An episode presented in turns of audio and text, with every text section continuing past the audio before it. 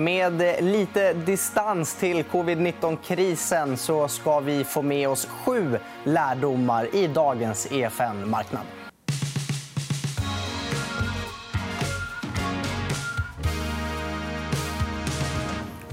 Och de ska levereras av Knut Geselius. Välkommen till programmet.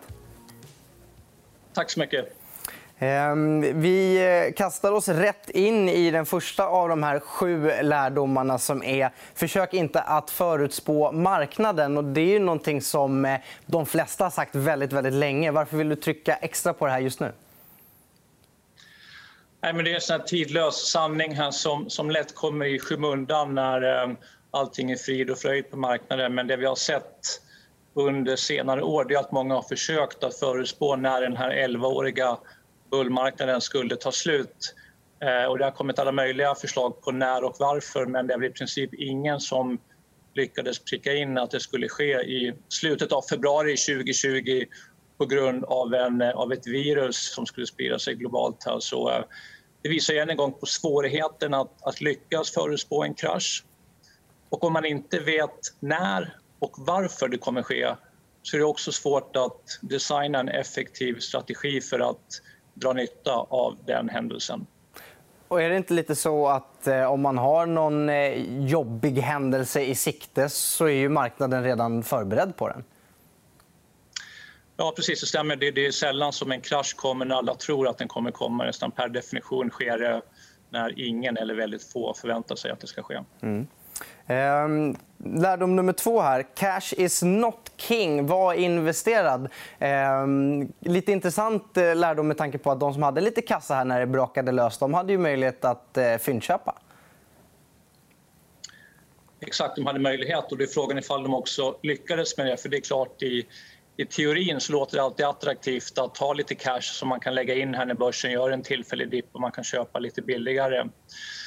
Men i praktiken har det visat sig att det är väldigt svårt att genomföra det. Det är någonting som eh, Nobelpristagarna, både Kahneman och Thaler, har kommit fram till att det finns en mental block mot att lyckas med det.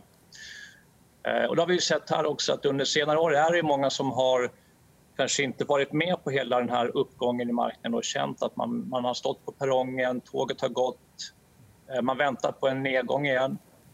Och den möjligheten fick man ju här i mars när marknaden var tillbaka, i alla fall globalindex var tillbaka på samma nivå som man var i vintern 2017. Men än en gång så verkar det som att det var många som hade svårt att gå in och verkligen dra nytta av den kraftiga marknadsfallet som kom. Eh, och nu är vi tillbaka på ganska höga nivåer här med historiska mått. Mm.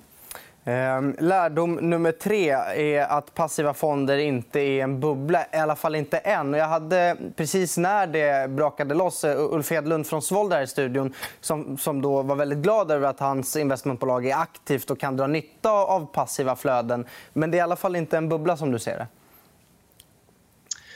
Nej, det är en annan hypotes som har florerat i marknaden att när det väl skulle ske en krasch så skulle det bli trångt i dörren när alla passiva investerare skulle ut och det skulle kunna vara ett väldigt bra miljö då för, för aktiva investerare. Eh, och det vi såg i mars det var ju att VIX-indexet, det vill säga skräckindex som, som mäter framtida volatiliteten, att det var ju på 30 års högsta, det vill säga en extremt volatil marknad borde varit en utmärkt miljö för aktiva förvaltare här att eh, eh, visa sina, sina, sina kunskaper här. Men ändå, så av europeiska förvaltare var det närmare 60 60 procent som underperformade sina index under första kvartalet. Här. Eh, och det tycker vi liksom är ett tecken på att eh, passiva investeringar fortfarande är en, eh, eh en attraktiv strategi Även om det fortfarande finns naturligtvis också duktiga aktiva förvaltare. Mm. Eh, vi går vidare till lärdom nummer fyra. Värdeaktier med låga multiplar är inte defensiva. Eh, hur kommer det sig? Ja, det här är en annan hypotes som har, som har funnits. Här. Man har här, I vissa eh, delar av investeringsvärlden påstått här att eh, värdeaktier, det vill säga aktier som har låga P-multiplar, låga pris-book-multiplar redan skulle vara så nedtryckta eller lågt värderade så att de inte egentligen skulle kunna bli lägre värderade och därmed skulle vara eh, defensiva i ett, i ett kraschscenario. Men det är klart, det här är logiken lite svår att få ihop med tanke på att ofta är det en låg multipel därför att det är dåliga fundamenta, svag bolagsledning, ehm, eh, över eh, här, balansräkningar med mera. Så, eh, så det var svårt att få ihop det och det har visat sig nu också svart på vitt här att under tiden här eh, 12 februari till 23 mars så gick eh, i globalindex värdeaktierna ner med 37 procent medan de som kallas för tillväxtaktier eller growth-aktier gick ner endast med 30 procent. Så en ganska stor skillnad mellan de två lägren.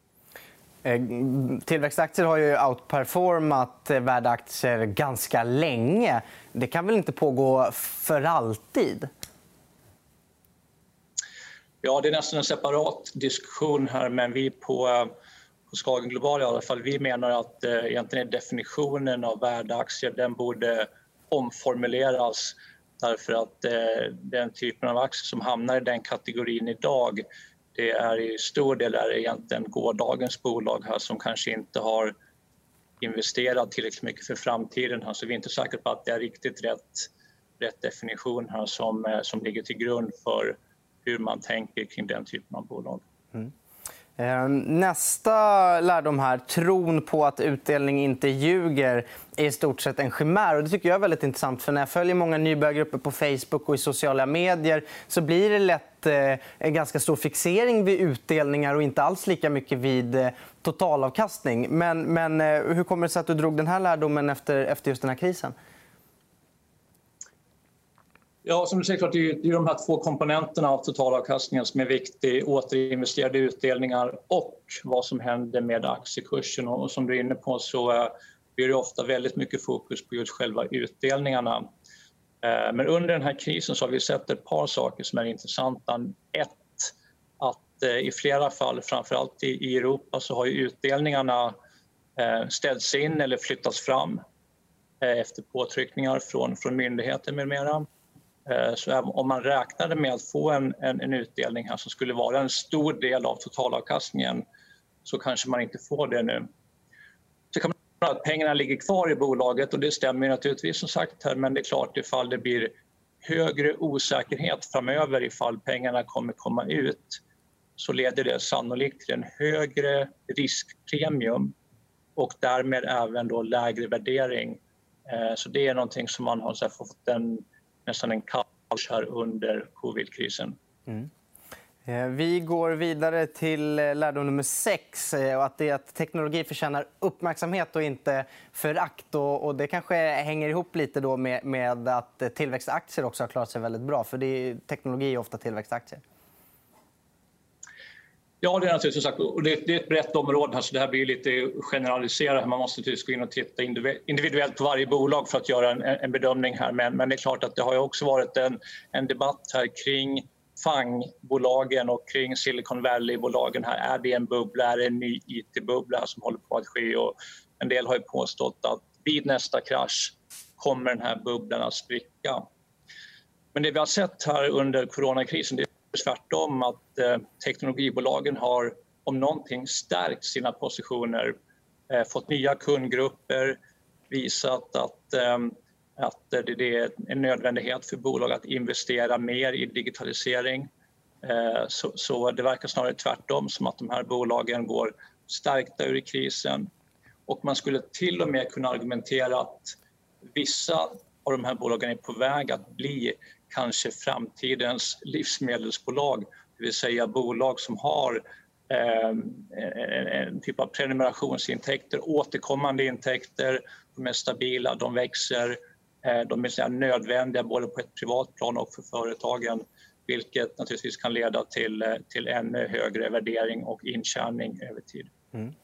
Sist men inte minst, då, avvisa inte marknaden som irrationell. Det blir ju lätt att man gör det. och att man, eller i alla fall Jag ibland lockas att tycka att jag är smartare än marknaden. Men det är ofta ett eh, väldigt dumt beslut. Ja, men det är sagt att det är, det är lätt att marknaden ibland kallas för att den är irrationell att det handlar om att följa John med mera. Här. Men det vi tycker har sett under covidkrisen är snarare att om det är någon aktör globalt som har varit rationell så är det egentligen marknaden som helhet. Eh, några exempel. Tittar man på när Kalifornien då, som var första staten i USA att stänga ner och eh, så vid den tidpunkten hade marknaden redan gått ner med 30 och sen på något sätt när det var som, som eh, såg som mörkast ut då gick rallyt igång igen från mars och har sen fortsatt ganska skarpt uppåt här medan det har varit mycket negativitet och liknande i media. Här. Så marknaden verkar ha sett igenom mycket av det här och tagit en, tycker vi, ganska sansad syn på eh, världens eh, ekonomiska utveckling. Mm. Det var de sju eh, budorden. Eh, vad kommer du se mest fram emot under resten av det som är kvar av det här året? Ja, vi tror att vi kommer titta framåt. Vi, vi, vi har ingen uh, speciell kunskap eller förmåga på Skagen Global att eh, förutspå hur marknaden kommer att gå utan vi fortsätter att eh, titta väldigt nära på våra portföljinnehav för att se till att de är väl rustade för att klara av ett eh, brett spektrum av de olika scenarierna som kan spelas ut under kommande månader och år. Tack så mycket för att du var med, Knut Geselius. Tack så mycket. Det var det vi hade att bjuda på i dagens EFN Marknad. Men vi är såklart tillbaka imorgon igen klockan 11.45. Vi ses då.